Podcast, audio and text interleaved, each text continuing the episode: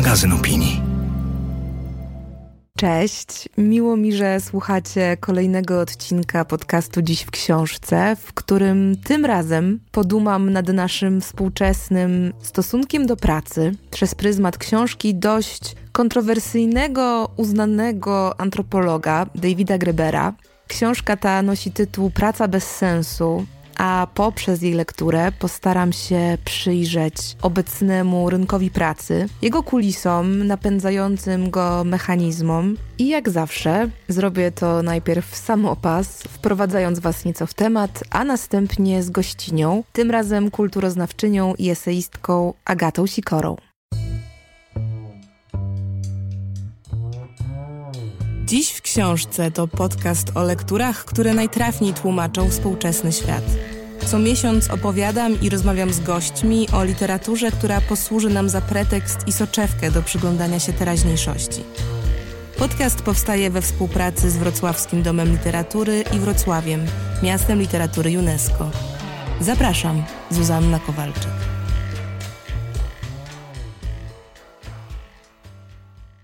Mam wrażenie, że w przestrzeni publicznej temat pracy pojawia się od kilku lat właściwie w takich kilku stałych kontekstach.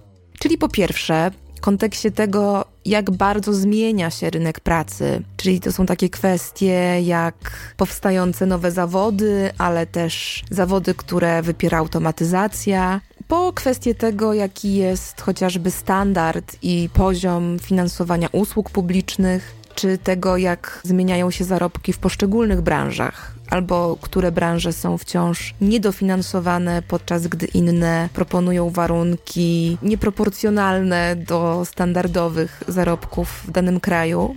Po drugie, mamy wątek tego, jak dalece rynek pracy się obecnie uelastycznia, i tu wchodzi cały arsenał wątków związanych z koniecznością zmiany pracy, niestabilnością pracy, którą chyba najbardziej widać w kontekście popularności umów śmieciowych, w kontekście których w Polsce wiedziemy prym, ale tutaj też wchodzi kwestia rozpadu, czy też coraz mniejszej liczby związków zawodowych, czy chociażby tego, na ile jest lub właśnie nie jest w danym kraju przestrzegane prawo pracy. I po trzecie, mamy dyskusję z kategorii tego, co dalej w obliczu nierówności. To znaczy, po pierwsze, jak to w ogóle możliwe, że pomimo tak dużego progresu technologicznego nadal mrowie ludzi wykonuje prace, które właściwie graniczą z wyzyskiem. I tu wchodzą wszelkie pomysły na to, jak sprawić, by praca była bardziej, nazwijmy to, humanitarna, czyli co zrobić, aby pracując żyło nam się lepiej. I w tej kategorii mieszczą się dyskusje o skróceniu tygodnia pracy, uszczelnianiu prawa pracy, czy na przykład wprowadzaniu bezwarunkowego dochodu podstawowego.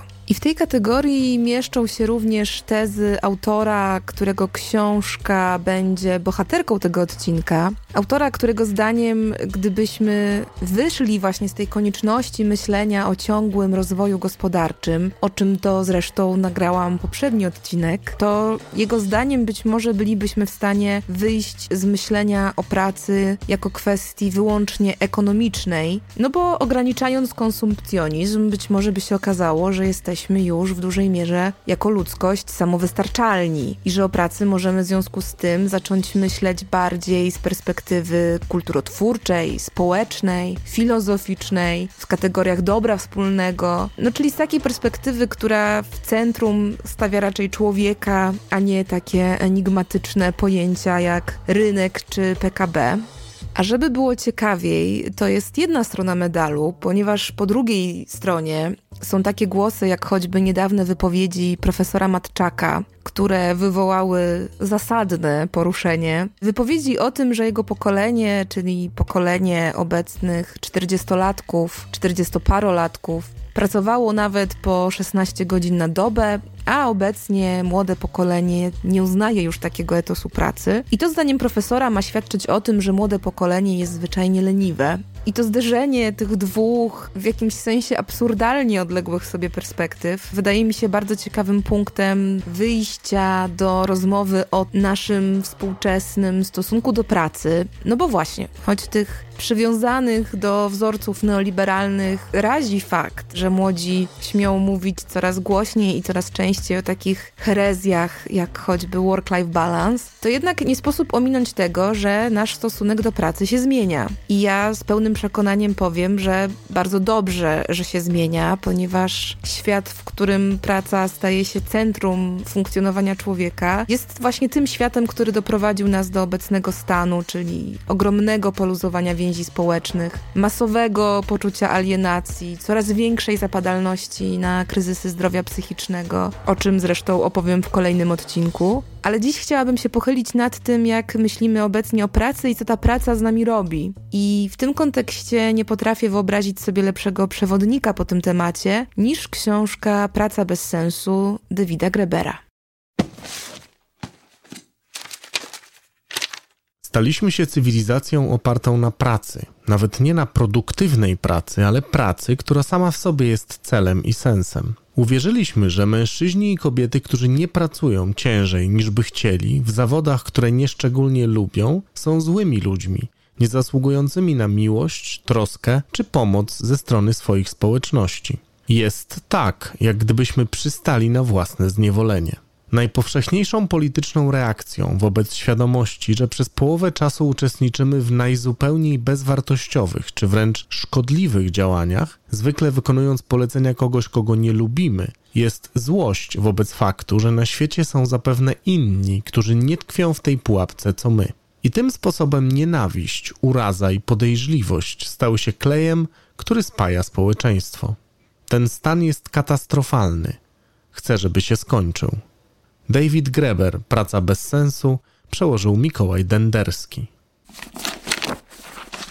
David Greber był Amerykaninem, profesorem antropologii w London School of Economics, adiunktem i profesorem nadzwyczajnym antropologii na Uniwersytecie Yale. Kojarzony jest w dużej mierze ze swoją działalnością anarchistyczną, bo został twarzą m.in. ruchu Occupy Wall Street, był też znanym działaczem takiego rewolucyjnego związku zawodowego Industrial Workers of the World, był też aktywistą związanym m.in. z Extinction Rebellion, ale chyba największą sławę przyniosły mu jednak ciekawe książki, które za każdym razem wtykały dość skutecznie kij w mrowisko. Po polsku wyszła Utopia regulaminów o technologii, tempocie i ukrytych rozkoszach biurokracji.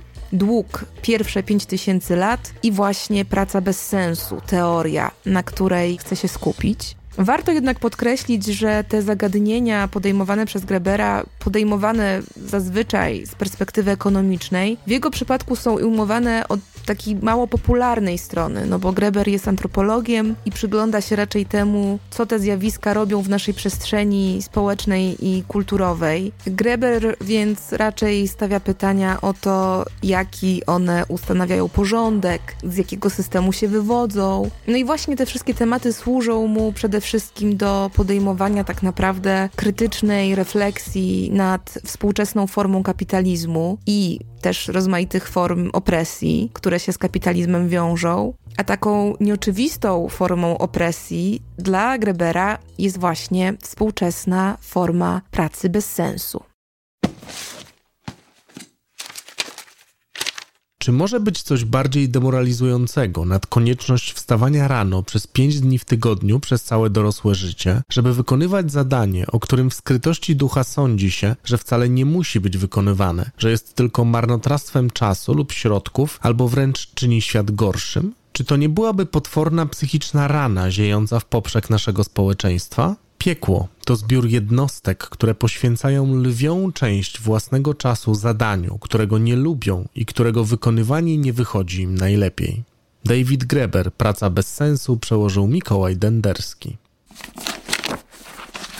Według Grebera formą przemocy, on to nazywa przemocą duchową, jest wykonywanie właśnie pracy bez sensu, co w oryginale on nazywa bullshit job. I definiuje bullshit job następująco. Praca bez sensu to forma zatrudnienia, której kompletna bezcelowość, zbędność bądź szkodliwość są tak rażące, że nawet zatrudniony nie jest w stanie uzasadnić jej istnienia, mimo że w związku z warunkami swojego zatrudnienia czuje się zobowiązany udawać, że jest inaczej. Greber wspomina przywoływane już przeze mnie w poprzednich odcinkach prognozy Johna Maynarda Keynesa, który przewidywał, że mniej więcej do tego momentu, w którym znajdujemy się obecnie, postęp technologiczny pozwoli takim krajom jak Wielka Brytania czy Stany Zjednoczone zredukować długość tygodnia pracy do 15 godzin. I Greber stwierdza, że wszelkie przesłanki przemawiają za tym, że Keynes miał rację, ale mimo tego nie doszło do tego, co mogłoby się wydarzyć dla nas dobrego, ponieważ zdaniem Grebera zamiast tego technologię zaprzęgnięto raczej do wymyślania sposobów mających sprawiać, że wszyscy pracujemy coraz więcej i że w tym celu należało powołać do życia zajęcia, które w gruncie rzeczy niczemu nie służą. No więc jego zdaniem tak jak dzięki właśnie automatyzacji części pracy moglibyśmy pracować mniej, powstały tak zwane bullshit joby, żeby te mechanizmy produktywności, które mają napędzać konsumpcjonizm cały czas biegły do przodu. No i on jako tego typu pracę, to będzie trochę okrutne, ale on podaje właśnie wszelkie prace związane z sektorem administracyjnym, usługami finansowymi, telemarketingiem, takimi sektorami jak prawo spółek, administracja w edukacji wyższej, zasoby ludzkie, public relation. Jego zdaniem właśnie tego typu branże wyprodukowały całą masę zajęć, które dałoby się obejść, gdyby nie rozdymać aż do takich rozmiarów całą tą maszynkę, która ten system nakręca. Takie prace, zdaniem Grebera, jeśli wykonujący je osoby mają poczucie bezsensu, prowadzą do moralnych i duchowych strat. No i o tym, na ile rzeczywiście ludzie czują się w nich bezsensownie, przeprowadzono badanie. W 2015 roku agencja sondażowa YouGov przeprowadziła w nawiązaniu do artykułu Grebera, który był przyczynkiem do powstania książki, badanie, które polegało na pytaniu Brytyjczyków, czy uważają, że ich praca daje światu coś sensownego. I ponad 1 trzecia badanych dokładniej 37%, odpowiedziało, że nie, a 13% nie miało pewności.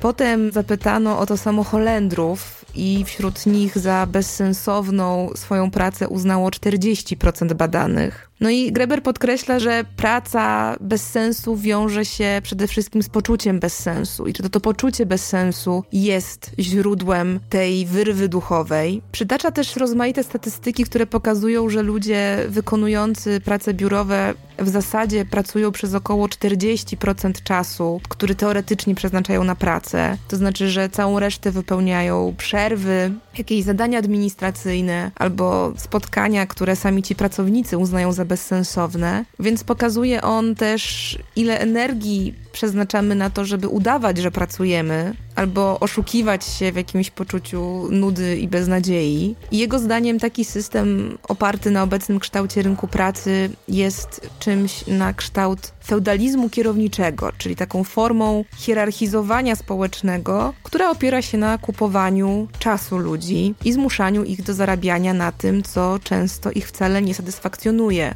i wskazuje, że ludzie też muszą często w pracy udawać zadowolonych, choć zadowoleni nie są. I to zdaniem Grebera prowadzi do potwornego zubożenia duchowego, które z kolei prowadzi do tak zwanego kompensacyjnego konsumpcjonizmu, czyli kupowania rzeczy w tym celu, żeby, jak on to mówi, wynagrodzić sobie fakt, że się nie ma życia, a w każdym razie ma się go niewiele. No i w ten właśnie sposób system się domyka.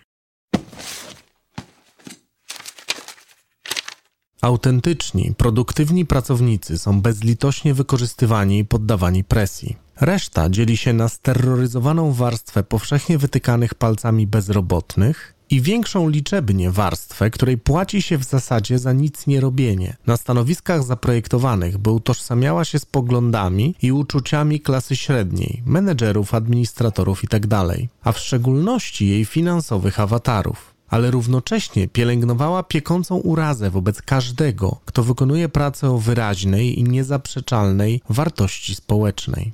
Wydaje się, że w naszym społeczeństwie panuje ogólna zasada, zgodnie z którą im bardziej jawnie czyjaś praca służy innym ludziom, tym mniej pieniędzy można się spodziewać za jej świadczenie. David Greber, Praca bez sensu, przełożył Mikołaj Denderski.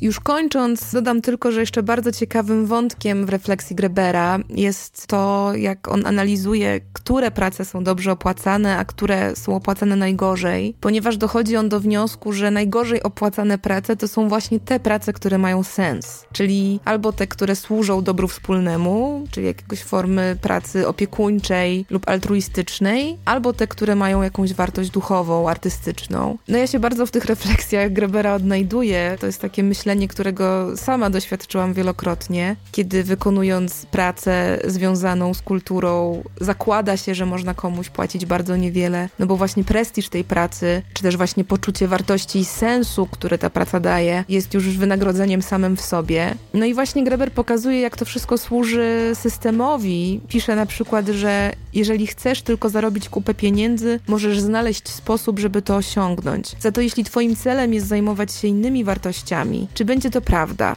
Na przykład dziennikarstwo, kariera akademicka, piękno, świat artystyczny, wydawniczy, sprawiedliwość, aktywizm prawa człowieka, dobroczynność itd. Tak i chcesz otrzymywać za to wynagrodzenie, za które faktycznie się utrzymasz, to jeśli nie dysponujesz pewnym majątkiem rodzinnym, sieciami kontaktów i kapitałem kulturowym, po prostu nie masz wstępu. Liberalna elita to ci, którzy w praktyce założyli blokadę na każde stanowisko, na którym można otrzymać zapłatę za wykonywanie czegokolwiek, co można chcieć robić z innego powodu niż pieniądze.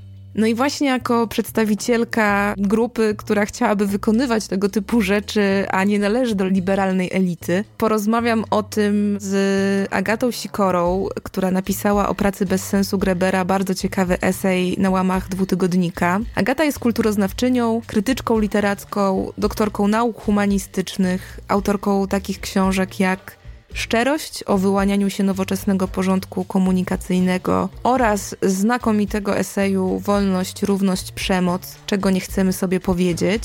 A obecnie pracuję nad kolejną książką, więc ja wypatruję niecierpliwie, a póki co zapraszam Was do posłuchania naszej rozmowy.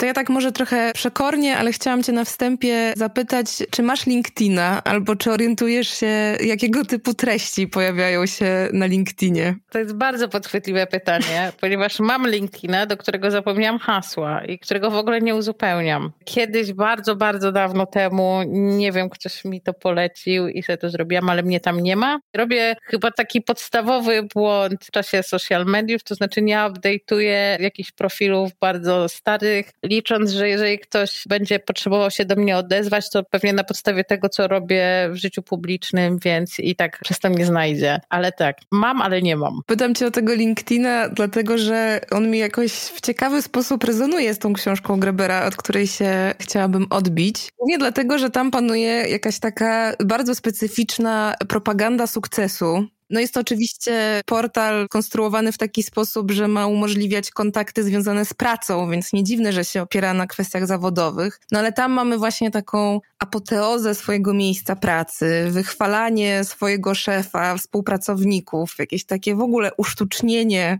relacji zawodowych, mam wrażenie, jakiś taki wręcz obowiązek emanowania swoją satysfakcją z pracy i swoimi zawodowymi sukcesami. I jakoś mi to ciekawie rezonuje z tym, co pisze Greber, który pisze, że staliśmy się cywilizacją opartą na pracy, że nawet jeżeli to nie jest produktywna praca, to praca ma być celem i sensem samym w sobie i że my trochę przez tę pracę zaczęliśmy się definiować, konstruować swoją tożsamość, że się zaczęliśmy opierać na swoim sukcesie zawodowym jako jakimś takim punkcie odbicia. I to jest dla mnie jakaś jedna strona medalu, czyli ta propaganda trochę sukcesu i ciężkiej pracy, a z drugiej mamy właśnie coraz większą świadomość wyniszczającego wpływu stresu, odżywczej roli czegoś, co nazwaliśmy sobie work-life balance. I w tym odżywczym wymiarze mam na myśli nie tylko to, jak to jest odżywcze dla człowieka jako jednostki, ale też dla społeczeństwa w takim wymiarze rodzinnym, relacji społecznych. Takie zmęczone, sfrustrowane społeczeństwo to zazwyczaj agresywne społeczeństwo.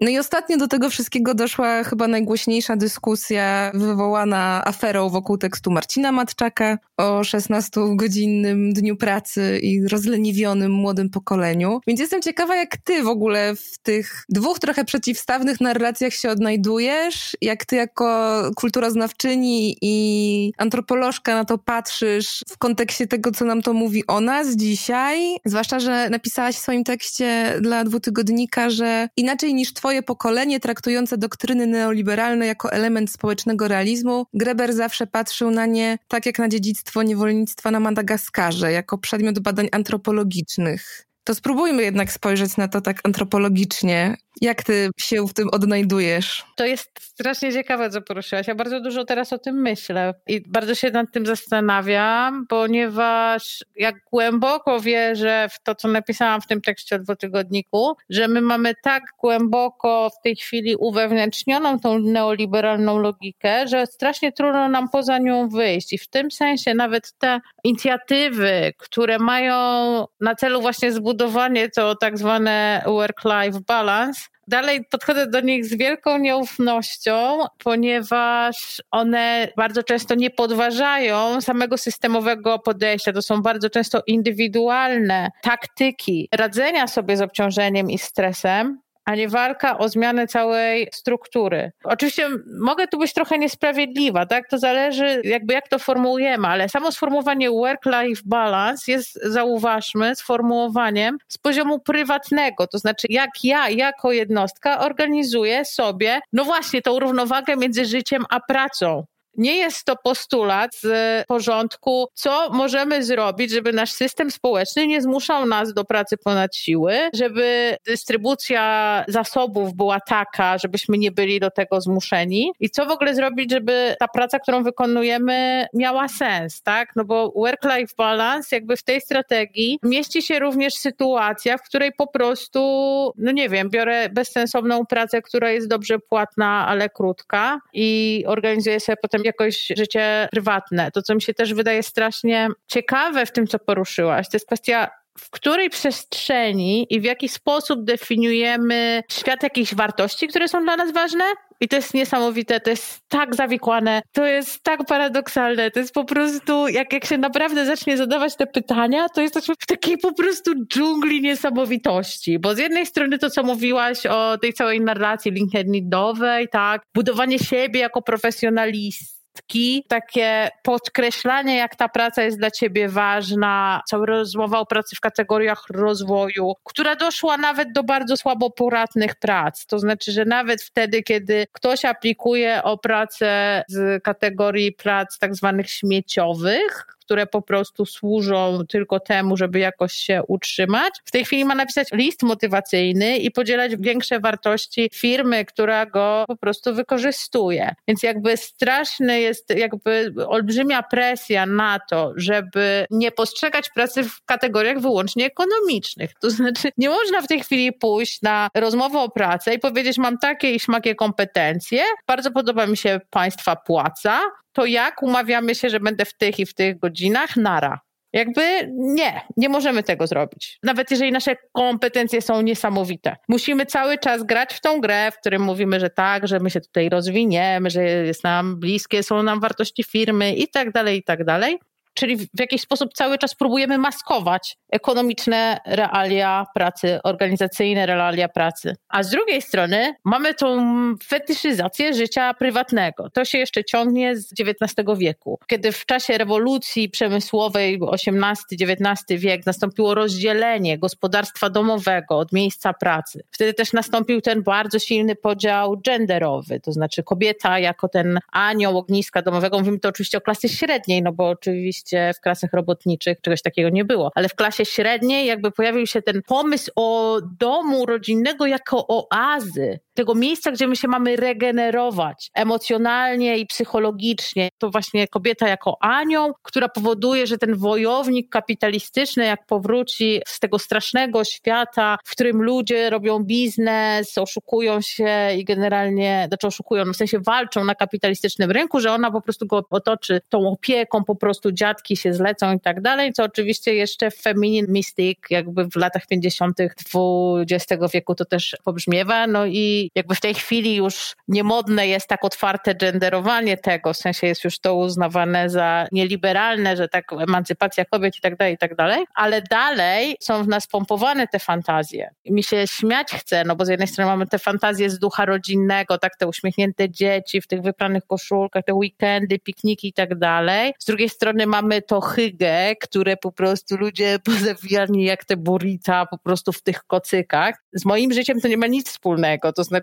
dla mnie w tej chwili jako osoby, która po prostu posiada małe dzieci i psa, czas po pracy jest czasem kolejnych obowiązków. Jakby ja nie mówię, że ja nie czerpię z tego jakiejś radości, że nie mam satysfakcji z życia rodzinnego, ale to naprawdę jest kompletnie zupełnie inny porządek niż to, co mi się próbuje sprzedawać w ramach tego reklamowanego życia. I zauważmy, że jeżeli jesteśmy bombardowani tym instagramowym wyobrażeniem życia rodzinnego, tym reklamowym ideałem, no to tylko i wyłącznie daje nam to kolejny etat, tak? No bo naprawdę małe dzieci nie chodzą w czystych białych ubrankach, one zawsze chodzą w umorusanych ubrankach i jakby doprowadzenie do tego, żeby one nadawały się na Instagrama, to jest praca, to jest kolejna praca. Czytałam, nie pamiętam kto to napisał, ale że nasze wyobrażenia właśnie o czasie wolnym budowania ogniska domowego są bardzo mocno zakorzenione w właśnie takich XIX-wiecznych fantazjach, kiedy całą pracą opiekuńczą i całą pracą w ogóle prowadzenia gospodarstwa domowego zajmowała się po prostu służba w przypadku wyższej klasy średniej i klasy wyższej. Więc tak naprawdę my mamy oczekiwania takie względem swojego życia dzisiaj, jak gdyby właśnie otaczał nas po prostu sztab kucharek lub kucharzy, opiekunów do dzieci i osób, które nam pomogą wysprzątać mieszkanie, mimo że tak naprawdę to właśnie my wykonujemy te wszystkie prace, równolegle próbując pracować zawodowo, spełniać się, mieć pełną satysfakcję z życia i jeszcze właśnie nie wykonywać bullshit job. Pamiętajmy też o tym, że to, co mówimy teraz jest klasowe, tak? Znaczy my mówimy również w imieniu tych osób, które wykonują te prace, jak sprzątanie domów i tak dalej, i tak dalej. Jak mamy te fantazje, to musimy po prostu pamiętać, że te fantazje są bardzo silnie jakby też historycznie zakorzenione i od samego początku były bardzo mocno klasowe. Ale tak, oczywiście, żeby osiągnąć ten poziom ideału, doba musiałaby mieć 30 parę godzin, plus rzeczywiście potrzebny jest ci do tego sztab ludzi. Ale co powiedziawszy, żeby podsumować tę część, to mamy po prostu tak, że z jednej strony mamy niby odczuwać, jakby budować swoje poczucie wartości na naszym profesjonalizmie, który też ma być zawsze w jakiś sposób zakorzeniony w jakichś wyższych ideach i nigdy jakby mistyfikuje się w ramach tego dyskursu faktyczne relacje ekonomiczne,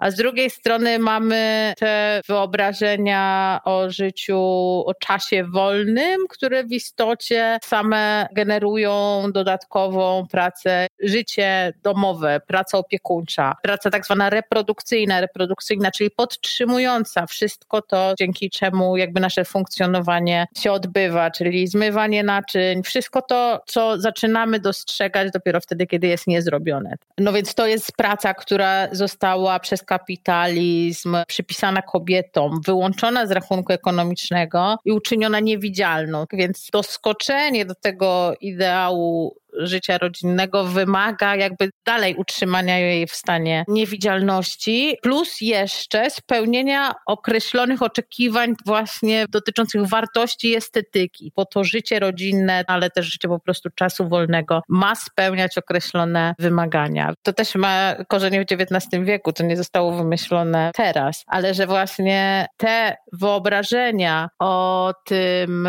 estetycznie właściwym, klasośredniowym życiu są związane z konsumpcją kobieta jako anioł ogniska domowego to była ta kobieta, która miała zarządzać odpowiednimi wydatkami, tak, żeby ten dom spełniał tę fantazję, tak, jakby przynajmniej do niej aspirował. Więc w tym sensie obydwie strony tego medalu, zarówno to, to tożsamość profesjonalna, jak i właśnie ten czas wolny, który musi być odpowiednio estetycznie opracowany, wymaga podporządkowania się bardzo silnie logice rynku. Dodać jeszcze można, że mówi się też o tym w tej chwili, o profesjonalizacji tych ról związanych z pracą reprodukcyjną. To znaczy w tej chwili ideał matki nie jest tym ideałem pod tytułem zasadniczo uważasz, żeby dziecko przetrwało w miarę najedzone i jakby w całości do tam 16 roku życia, tylko masz stać się profesjonalistką w dziedzinie psychologii, dietetyki. Rodzicielstwa bliskości. Rodzicielstwa bliskości, wożenia na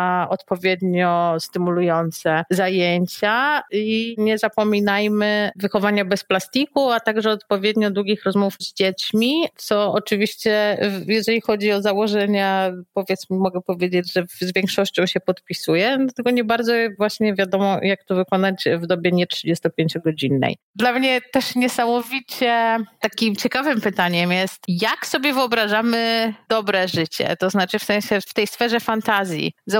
Że ludzie dzielą się cały czas zdjęciami z wakacji, ale nie dzielą się raczej zdjęciami z pracy w takim kontekście, o zobacz jaki fajny projekt zrobiłem, w sensie tak w sytuacji prywatnej. W tej sytuacji, kiedy ona na mnie zbuduje sytuacji profesjonalnej. No Greber mówił, że gdyby nam wszystkim właśnie dano wolną wolę i gdybyśmy wszyscy mogli sobie wybrać zajęcie, które jest niezależne od przychodu, bo się przychodem nie musimy zajmować, to każdy z nas by się trudnił rzeczami wzniosłymi, dobrymi dla ludzkości. On to zresztą wywodzi z Keynesa, który mówił, że jak już właśnie osiągniemy ten słynny 15-godzinny tydzień pracy, to wówczas właśnie będziemy w stanie jako ludzkość wejść na taki wyższy poziom moralny, bo się wszyscy zajmiemy rozwojem duchowym, pięknem, sztuką, no takimi uwznieślającymi działaniami. No i właśnie to jest pytanie, czy to są takie bardzo utopijne wizje, czy też nie, bo ta dyskusja się trochę toczy dzisiaj w kontekście dyskusji o dochodzie gwarantowanym. Czy ludzie by zrezygnowali z pracy, gdyby taki dochód otrzymywali, czy też z niej by nie zrezygnowali? Czyli tak naprawdę, czy gdybyśmy mieli wybór, to byśmy chcieli pracować, czy nie? Więc tutaj trochę dochodzimy do tych utopijnych wizji, no, że chyba nie dowiemy się do końca, jakby było, dopóki tego nie sprawdzimy, chociaż eksperymenty mówią, że raczej ludzie nadal chcieliby pracować, bo jednak daje im to właśnie poczucie jakiejś satysfakcji, sprawdzania siebie. Jest to jakaś forma organizacji życia, tylko być może by wybierali inne zajęcia. Tutaj weszłaś w coś dokładnie, do czego zmierzałam, to znaczy do jednego z socjalistów utopijnych z XIX wieku, Fouriera, który wyobraził sobie świat wolnej miłości i wolnej pracy, że dla niego podstawą tego, żeby stworzyć społeczeństwo utopijne było właśnie wolność związków seksualnych, ale też właśnie to, że praca miała być tym, co daje głęboką satysfakcję i w tym celu wyobraził sobie, że będziemy się tymi rolami zamieniać, tak żeby się nie utrwalała struktura trwała, hierarchia społeczna, ale też, że ludzie będą wykonywać to, w czym się będą odnajdywali. Jedną z takich przeuroczych anegdot w tym projekcie jest to, że stwierdził, że naprawdę dla każdej pracy znajdą się jacyś fani, że na przykład wywozem nieczystości mogłyby się zajmować dzieci, ponieważ one bardzo lubią topleć się w błocie. Ja oczywiście trochę się z tego śmieję i nie odpowiem ci na pytanie, czy naprawdę jesteśmy w stanie stworzyć utopijne społeczeństwo, gdzie każdy będzie robił to, co lubi i znajdował w tym głęboką satysfakcję. To, czego ja na swój użytek jestem pewna, to jest to, że system społeczny, w którym żyjemy, w którym właśnie praca jakby jest uzależniona w pierwszej mierze od dochodu, znaczy jest warunkiem przetrwania ekonomicznego, warunkiem statusu, warunkiem poczucia wartości, czyli w dalszej mierze jest po prostu narzędziem sprawowania władzy, jakby bardzo nam wytacza sposób myślenia o pracy. Że właśnie dlatego, że od razu zaczyna nam się wydawać to śmieszne, że w ogóle można tak myśleć. Między 0 a 1 jest całe spektrum. Moim zdaniem my jesteśmy na tym biegunie bardzo silnie traktującym pracę jako kierat, w którym właśnie sytuacja, o czym jest książka Greibera, kiedy ta praca daje jakąkolwiek satysfakcję, jakby jest już uważane za przywilej, za który w jakiś sposób należy zapłacić. Ostatnio dużo się zastanawiam i zajmuję się tym, w jaki sposób Soup. Możemy zdefiniować naszą sprawczość i że właśnie żyjemy w społeczeństwie, które każe, ja to na przykład bardzo czuję na sobie, że niezależnie od całej teorii, którą posiadam, niezależnie od dosyć, wydaje mi się, takiego jakby silnego poczucia i przekonania co do swoich celów, co do wartości tego, co robię, ja dalej cały czas nie potrafię się uwolnić od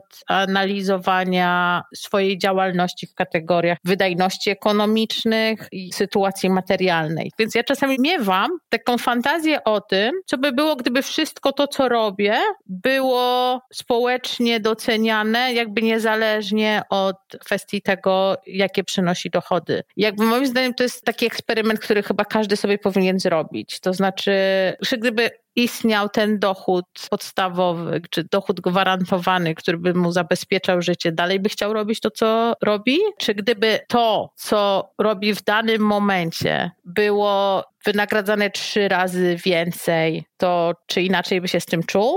Wydaje mi się, że to są takie bardzo ważne eksperymenty. Jeżeli chcemy się trochę wyzwolić z tej logiki, w pierwszej chwili musimy w ogóle sobie zdawać sprawę, jak bardzo głęboko ona nas formatuje. Jeszcze wracając, zaraz skończę, tylko chciałam tylko powiedzieć jakby o tej kwestii właśnie sprawczości, tak jakby mówiąc tym językiem lewicowym, że właśnie zwróćmy uwagę, że przeliczenie wszystkiego na wydajność ekonomiczną powoduje, że oceniamy całe nasze działanie właśnie w kategoriach PKB, które jak wiadomo teraz jakby no, wiedzie nas w kierunku kierunku katastrofy klimatycznej i ślepoty na całe po prostu morza pracy. Wszystkie te feministyczne ekonomie, które pokazują, jak w ogóle zmieniłoby się wszystko, gdybyśmy zaczęli uwzględniać pracę opiekuńczą w tych bilansach. Więc to dzięki temu, że przeliczamy nasze prace i wartość tego, co robimy na pieniądze, przestajemy zadawać sobie pytanie o sprawczość. To znaczy o to, czy to, co robimy, daje nam sprawczość w kształtowaniu społeczeństwa. I wtedy nagle może się okazać, że ten taki obowiązek myślenia w kategoriach ekonomicznych kompletnie nas, kompletnie czyni nas ślepymi, jakby jakakolwiek wspomnienie o sprawczości społecznej jest właśnie traktowane jako taka właśnie dziecinna fantazja, podczas gdy wydawałoby się, tak gdybyśmy byli racjonalni, że naszym głównym zadaniem powinno być myślenie w kategorii sprawczości społecznej i że to by się wydawało, że to jest dorosłe podejście do życia, a tymczasem jeżeli mówisz tak, że to jest twój naczelne hasło życiowe, no to właśnie jesteś traktowany jako w najlepszym wypadku osoba trochę oderwana od ziemi, a w najgorszym jako po prostu nieodpowiedzialna jednostka. No tak, właśnie Greber o tym pisze w kontekście tego, czy wręcz jakby jeszcze głębszego paradoksu, który w tym tkwi, to znaczy, że my w ogóle tę pracę, która ma najbardziej sprawczy charakter, wręcz zdeprecjonowaliśmy tak społecznie i systemowo. To znaczy te prace, na których, co bardzo zresztą uwidoczniła pandemia, że te prace, które pozwalają w ogóle kręcić się naszej rzeczywistości, to są te prace, które są bardzo często, no może nie najmniej wynagradzane, ale na pewno nie najbardziej wynagradzane i że wręcz istnieje takie przekonanie, że jeśli twoja praca daje ci jakieś właśnie poczucie sensu albo daje ci poczucie właśnie jakiejś sprawczości społecznej, to już jakby samo to poczucie sprawczości jest jakąś formą wynagrodzenia, że w związku z tym to już ty się nakarmisz prestiżem pracy w zachęcie albo nakarmisz się tym, że robisz coś dobrego właśnie w kontekście społecznym, ale to nie do końca pozwala się najeść, no właśnie tak materialnie, na najbardziej podstawowym poziomie. I tak siłą rzeczy mam poczucie, że idziemy w tę stronę, o której najwięcej rozmawiałyśmy przed tą rozmową, którą nagrywamy,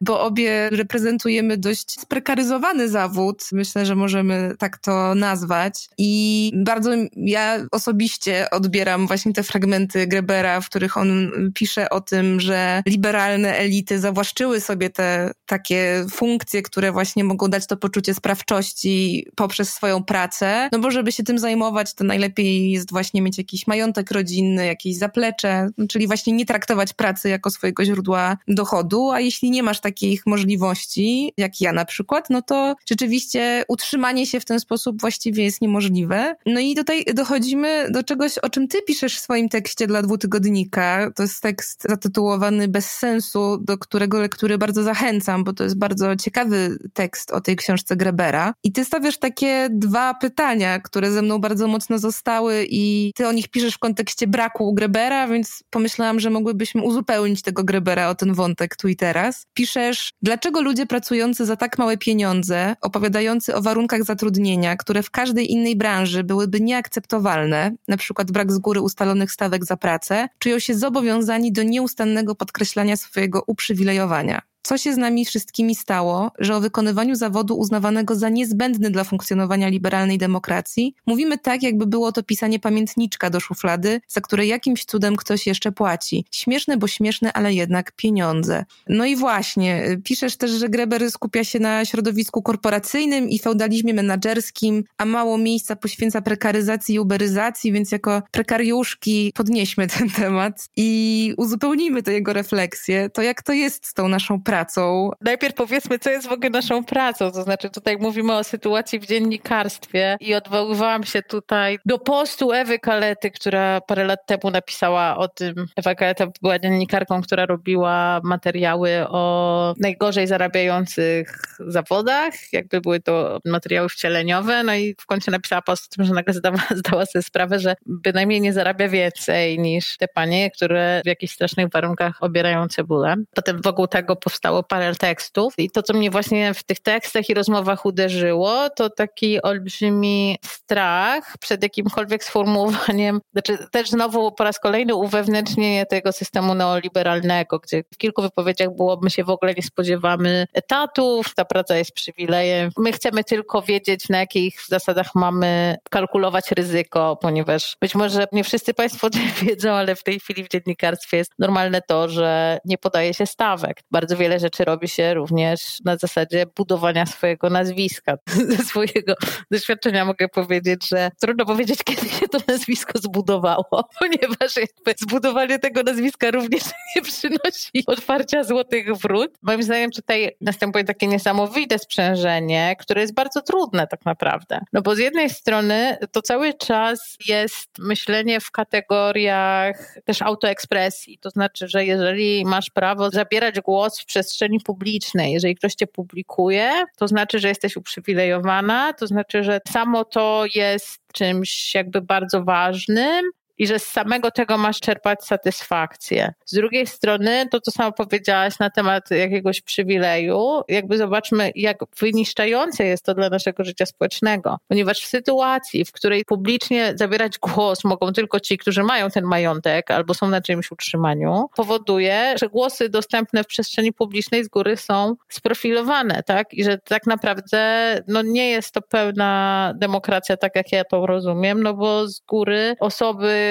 których nie stać na bezpłatne staże, których nie stać na pisanie esejów przez tydzień za 700 zł, one tego głosu nie będą zabierać i w ten sposób my sami sobie zafałszujemy po prostu wizję naszego świata to jakby, przepraszam, że powiem to mocno, ale liczba kocopołów, która potrafi się pojawić w przestrzeni publicznej, jest możliwa tylko i wyłącznie dlatego, że dużo osób, które biorą w tej debacie udział, po prostu nie mają kontaktu z realnością, a osoby, które ten kontakt z realnością ekonomiczną mają, po prostu nie mają przestrzeni na to, żeby zawierać ten głos. I to jest oczywiście stopniowalne. Znaczy, to jest stopniowalne w tym sensie, że to, jak my mówimy o sobie jako prekariuszkach, my dalej jednak mówimy o prekariuszkach z wyższym wykształceniem. Są całe środowiska, które są w jeszcze gorszej sytuacji o tyle, że nie potrafią steoretyzować swojego głosu i w ogóle już nie mają dostępu do tej sfery publicznej. Ale co powiedziawszy, właśnie piszę o tym w tym tekście dwutygodniku, że jak to jest, że w XIX-wiecznych ruchach robotniczych chodziło o emerytury, ubezpieczenia, wolne soboty i tak dalej, a u nas jakby najdalej posunięta, to chyba bardziej jest prośba niż postulat albo żądanie, to jest to, żeby nam powiedzieli, w jakich widełkach będzie się nam płacić za tekst, który zostanie przyjęty albo nie. I ja tu widzę straszne ryzyko tego utożsamienia w ogóle wypowiadania się ze sfery publicznej jakby z autoekspresją że jakby znowu wchodzimy w ten bardzo indywidualistyczny, neoliberalny pattern, w którym nie można tego traktować jako po prostu pracy jako pracy na rzecz dobra wspólnego. I to tylko właśnie ta wiara w autoekspresję, w tą wartość autoekspresji, jakby mówi się bardzo dużo o tym narcyzmie kulturowym, tak, o tym wyjętym z romantyzmu, wiary w to, że sama ekspresja jest wartością nadrzędną, autentyczność i tak dalej, i tak dalej. Na czym w dużej mierze zbudowane są przecież te wszystkie współczesne Instagramy, nie Instagramy i celebryci, ale zauważmy, że no nawet przy, przy pracach bardzo słabo opłacanych jak pielęgniarki i tak dalej, jednak nikt im nie mówi, że robią to dla swojej przyjemności, chociaż też można powiedzieć, że pomaganie innym jest przyjemne. Ja na przykład w to wierzę, że jakby jest to jedna z rzeczy, które daje satysfakcję, ale zauważmy, że nikt tego nie argumentuje w tak w odniesieniu do osób niosących pomoc. W ich przypadku gra się na poczucie właśnie moralnego obowiązku wobec innych, że nie możesz odejść od łóżka pacjenta, a w naszym przypadku gra się na wersji tak, ale to przecież sam fakt, że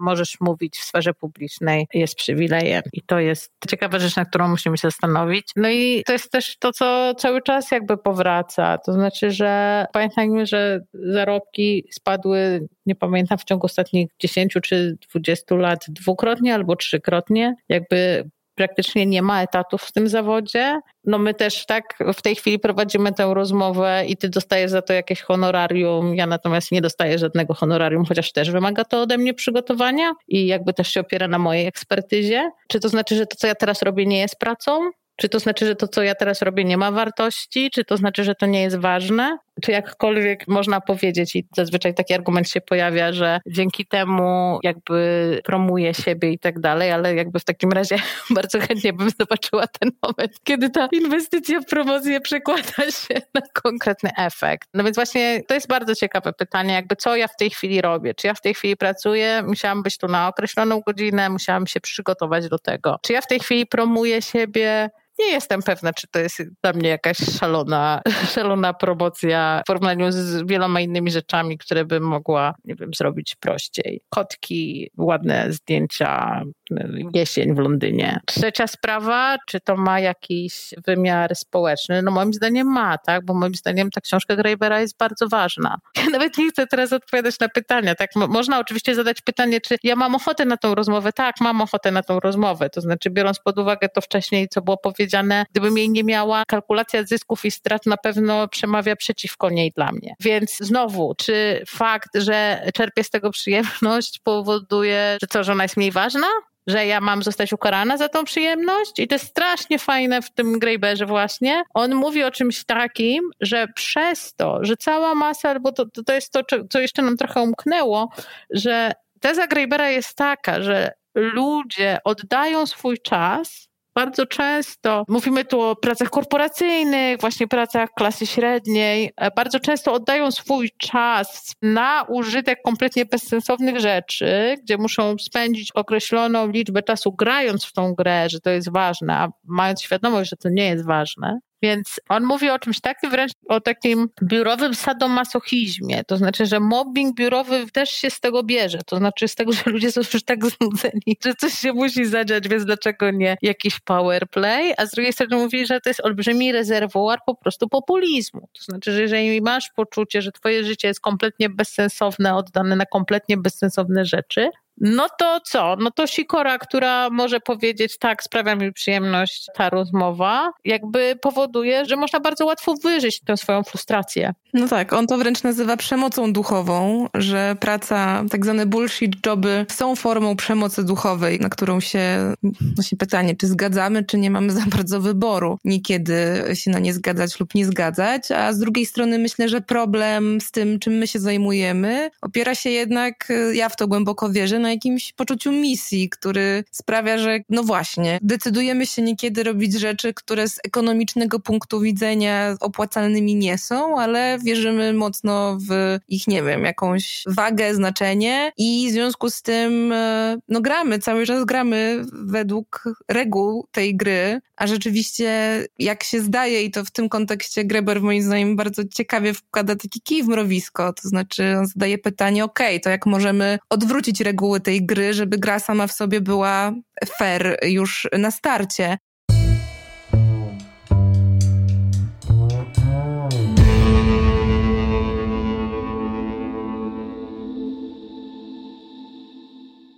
Ale ponieważ ja bym tak mogła z tobą jeszcze długo, długo rozmawiać, bo się już nawet rozgadałyśmy przed tą rozmową na Facebooku, to jednak gdzieś zmierzając do końca chciałam cię jeszcze zapytać na koniec o to, o co pytam każdego gościa i gościnie w tym podcaście, czyli o to, czy jest jakaś inna książka w tym temacie, albo jakoś pokrewnym temacie, którą uważasz, że warto polecić tym, którzy nas słuchają, która jakimś takim byłaby ciekawym uzupełnieniem dla tej książki Praca bez sensu. Ja osobiście uważam, i tutaj sorry, ale zrobię ten promocyjny element, mm, że twoja książka Wolność, Równość, Przemoc bardzo ciekawie się z tym Greberem jakoś mi zgrywa. To znaczy jest również o tym właśnie podziale prywatne, publiczne i o tym, jak my mamy silnie zinternalizowane te kalki neoliberalne i kapitalistyczne. I ja wiem, że jesteś tutaj zbyt skromna, żeby polecić własną książkę, więc ja cię wyręczę w tym i polecę twoją książkę jako uzupełnienie dla Grabera, bo dla mnie to jest bardzo ważny esej właśnie o tym. Super, dzięki. Nie, nie, to znaczy, żeby było jasne, ja nie będę swojej książki próbować, ale po to ją napisałam, że tak, uważam, że to, co mam tam do powiedzenia jest jakoś potrzebne i jest ważne i nie będę od tego uciekać. Ja ostatnio w ramach tego swojego nowego projektu o trosce strasznie dużo się zastanawiam nad sprawczością. Pierwszym tematem, z którego wyszłam, to była właśnie troska, a teraz coraz bardziej czuję, że właśnie będzie to tak naprawdę projekt o neoliberalizmie i jego kalkach i właśnie sprawczości,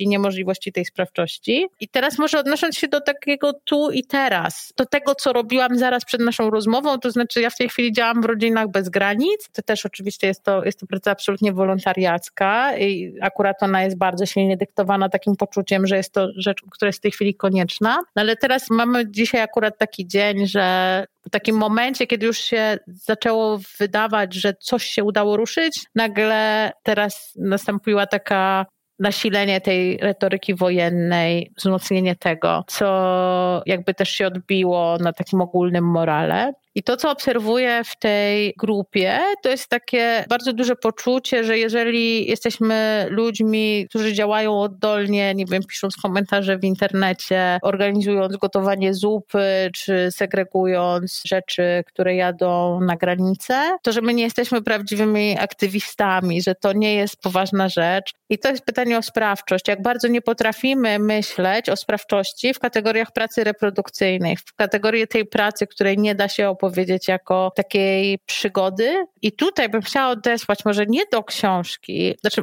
do książki też, bo ja tu myślę o Reboce Solnit i o Nadziei w mroku, ale z taką gwiazdką, ponieważ Solnit niektórych bardzo irytuje, jako, że to jest właśnie takie feel good, niektórzy mówią, że to jest takie koechlowate i tak dalej, i tak dalej. I ja osobiście bardzo nie lubię klimatu feel good, tak ogólnie rzecz biorąc, aczkolwiek zupełnie nie uważam, że to jest kwestia Solnit. To znaczy ja na przykład uważam, że Nadzieja W mroku jest rodzajem traktatu o sprawczości, próbującym rozwalić ten rodzaj myślenia głęboko w nas zakorzenionego o tym, co to znaczy działać. I jeszcze do tego Solnit jest autorką takiego eseju, który jest po angielsku dostępny w wolnym dostępie na takiej stronie, która nazywa się Lead Hub. I to się, jeżeli dobrze pamiętam ten tytuł, to jest When the Hero is the Problem. Wychodzi to od Grety Thunberg, gdzie Solnit pisze, że tak, Greta Thunberg jest wspaniałą młodą kobietą, ale to, że ona w ogóle mogła zaistnieć jako symbol,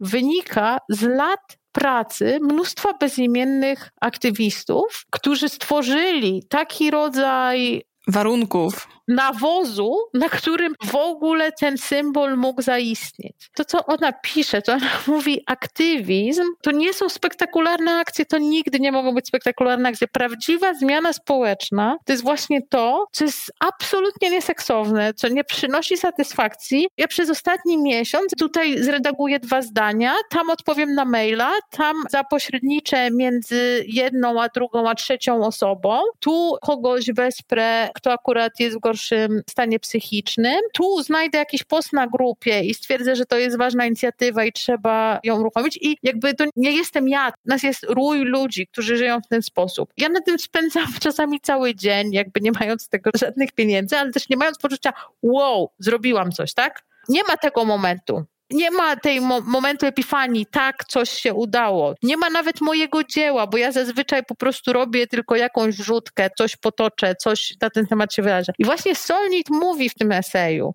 że na tym polega zmiana społeczna. Że problem, nasz problem z opowiadaniem sobie o sprawczości polega na tym, że jesteśmy wychowani na narracjach bohaterskich, że mamy mitologię opartą na, na dzianach bohaterskich, że cały w ogóle zachodnia wyobraźnia jest o tym, że na początku był raj, a potem zostaliśmy strąceni na ziemię i że generalnie tak naprawdę wszystko się zrobi dopiero jak będzie idealnie, jak już będziemy w raju, a nie, że coś się cały czas dzieje, bo cały czas coś pchamy do przodu. I dla mnie to było jakieś w ogóle otwierające oczy. Ona tam robi takie przeciwstawienie jakiejś performerki, która już nawet dokładnie nie pamiętam, ona chce protestować przeciw czemu, coś strzela z łuku, w ogóle robi jakąś niesamowitą akcję, ale nie osiąga swojego celu. Solnik przeciwstawia to po prostu jakiejś grupie z jakiejś wioski, która po prostu zrobiła polityczną akcję, pisząc do swoich przedstawicieli, robiąc jakieś protesty lokalne i tak dalej. Coś absolutnie nieseksownego, tak? To znaczy ona mówi, że to polega na tym, że siedzisz godzinami i dyskutujesz i kłócisz się z ludźmi i wykonujesz telefon, a potem wykonujesz maila, a potem jeszcze raz wykonujesz telefon i z tego nie ma w ogóle żadnego efektu wow.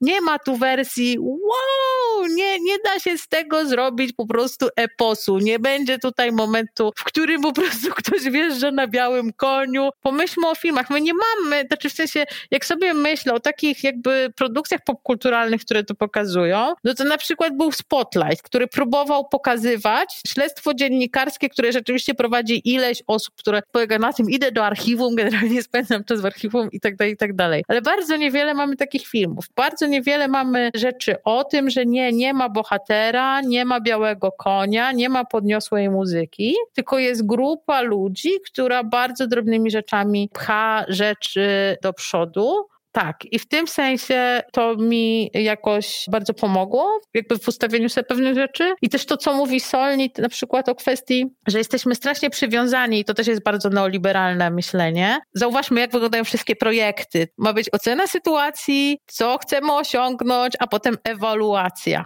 Więc ten sam spojrzenie rzutujesz na swoją działalność społeczną. Podczas kiedy Solnit mówi, bardzo wiele moich zaangażowań nie przyniosło tego efektu, o który ja walczyłam, ale przyniosło na przykład to, że pewien rodzaj działania, który został wypracowany w pewnej grupie, został potem zaadaptowany przez inną grupę i ta grupa już na przykład odniosła sukces. Albo jest tam taka anegdota, której już też w szczegółach nie przypomnę, ale właśnie opowieść y, jednej, też y, był to jakiś protest ekologiczny, też założony przez jakieś kobiety, gospodynie domowe, które zaczęły przeciw czemuś protestować i właśnie jedna z nich opisuje, że po prostu stały w jakimś deszczu, w garstce osób przed jakimś urzędem i to było takie beznadziejne, miała takie poczucie kompletnej beznadziei, a potem po latach przeczytała, że ktoś, kto 20 lat czy 15 lat później został jednym z najbardziej słyszalnych głosów w danej sprawie, zainspirował się tym, że zobaczył garstkę kobiet stojącą gdzieś w tym deszczu. I w tym sensie to, co nam pokazuje Solnic, co mi się wydaje strasznie ważne,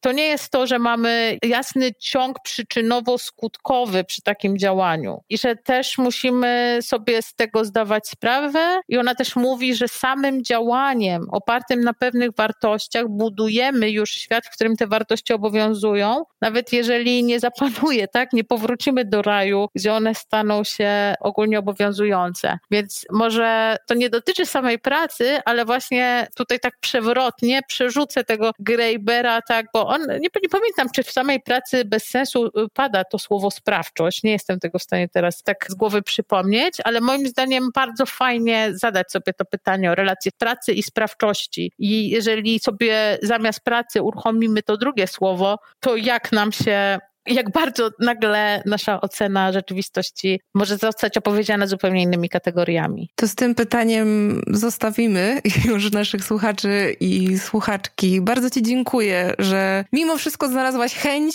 czas i będziemy naszą tutaj poczucie misyjności jednak spełniłyśmy, aczkolwiek Tobie wielkie podzięki i bardzo to była dla mnie ciekawa rozmowa i cieszę się, że tego Grebera mogłyśmy od trochę innej strony uchwycić. Okej, okay, dziękuję Ci bardzo.